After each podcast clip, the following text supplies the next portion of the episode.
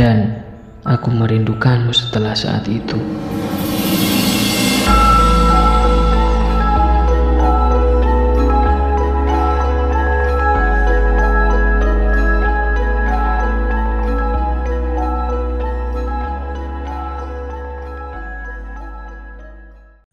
Assalamualaikum warahmatullahi wabarakatuh.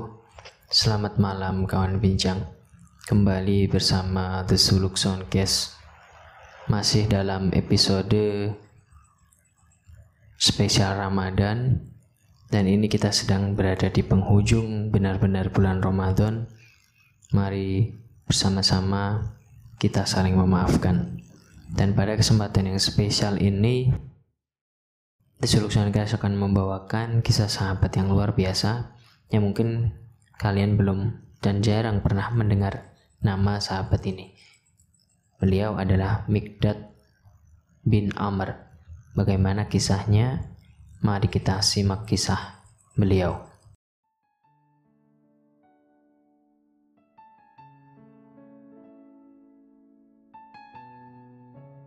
Mikdad bin Amr mujahid ulung, dan ahli filsafat.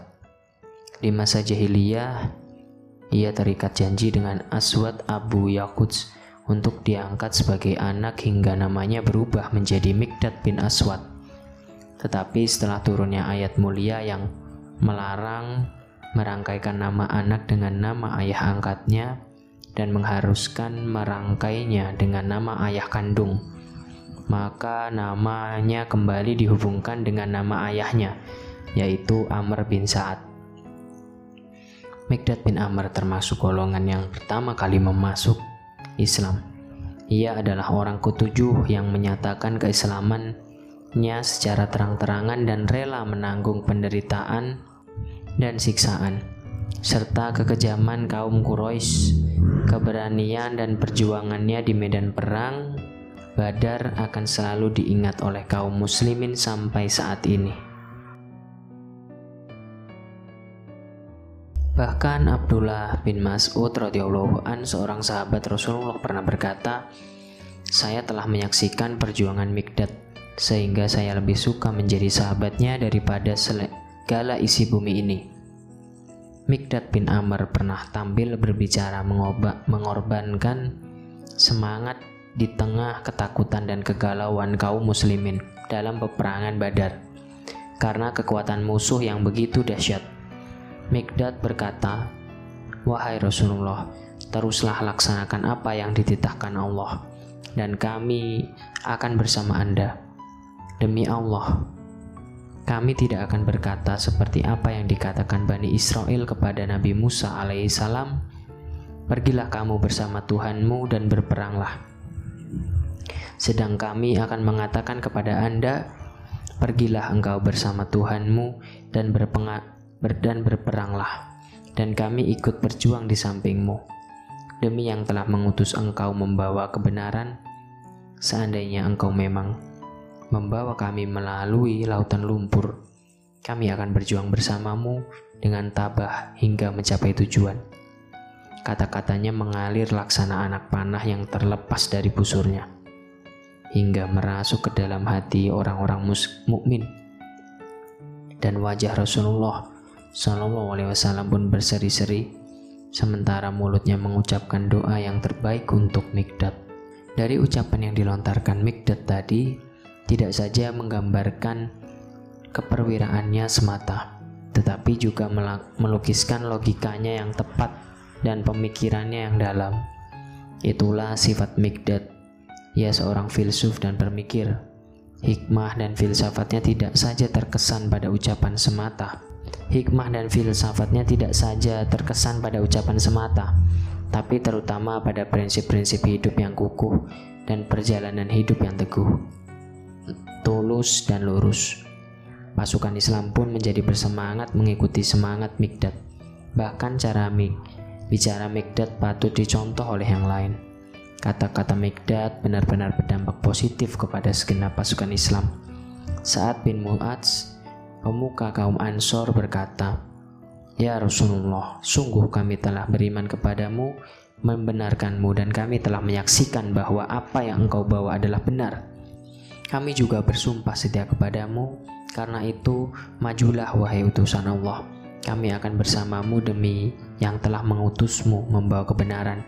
Seandainya engkau membawa kami ke lautan, lalu engkau mengarungi lautan itu, tentu kami juga akan mengarunginya. Tidak ada seorang pun akan berpaling. Kami akan bersamamu berperang melawan musuh. Kami adalah orang-orang yang gagah berani dalam peperangan, tidak gentar menghadapi musuh. Allah akan memperlihatkan kepadamu kiprah kami dalam peperangan yang akan berkenan di hatimu. Karena itu, maju terus, kami akan bersamamu. Berkah Allah akan bersama kita. Rasulullah sangat senang. Beliau bersabda kepada para pengikutnya, "Berangkatlah dan bergembiralah." dan kedua pasukan pun berhadapan. Jumlah anggota pasukan Islam yang berkuda ketika itu tidak lebih dari tiga orang, yaitu salah satunya yaitu sahabat Mikdad bin Amr, Marsad bin Abi Marsad, dan Zubair bin Awam. Sementara yang lainnya berjalan kaki atau menunggang unta. Ia pernah diangkat oleh Rasulullah sebagai gubernur di suatu wilayah. Tatkala ia kembali dari tugasnya, Nabi bertanya, Bagaimana dengan jabatanmu, wahai Mikdad bin Amr? Beliau menjawab dengan jujur. Ia menjawab dengan jujur, engkau telah menjadikanku menganggap diri ini di atas rakyat sedang mereka di bawahku. Demi yang telah mengutusmu membawa kebenaran, mulai saat ini saya tidak akan menjadi pemimpin sekalipun untuk dua orang. Ia menjadi gubernur lalu dirinya dikuasai kemegahan dan pujian. Kelemahan ini disadarinya hingga ia bersumpah akan menghindarinya dan menolak untuk menjadi gubernur lagi setelah pengalaman pahit tersebut.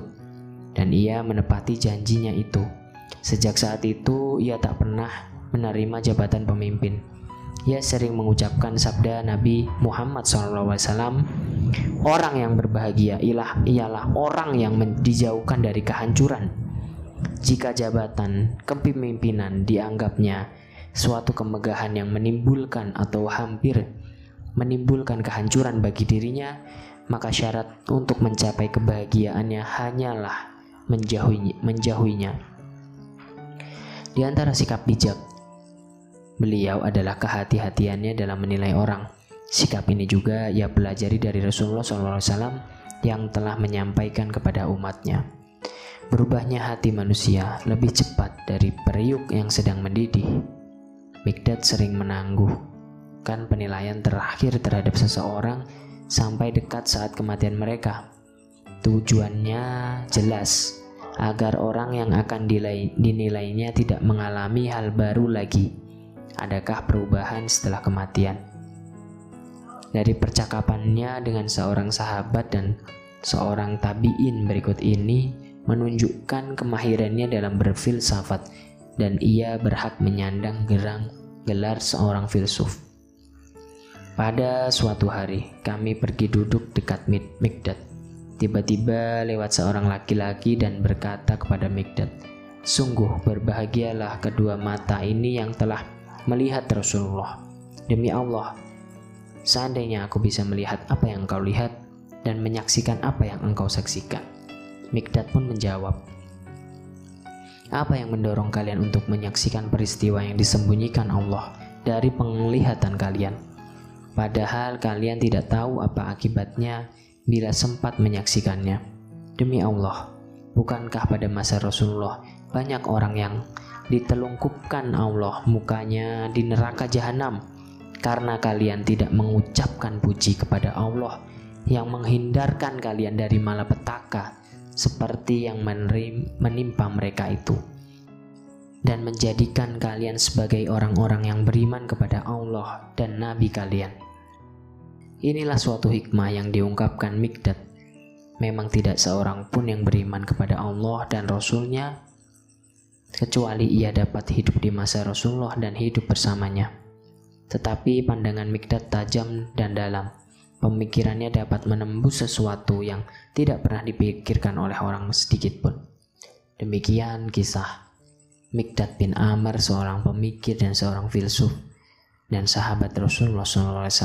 Semoga kita dapat mengambil hikmah dan belajar kebijaksanaan dari beliau akhir kata Sonkes pamit wassalamualaikum warahmatullahi wabarakatuh الله الكافي ربنا الكافي قصدنا الكافي وجدنا الكافي لكل الكافي كافنا الكافي ونعم الكافي الحمد لله.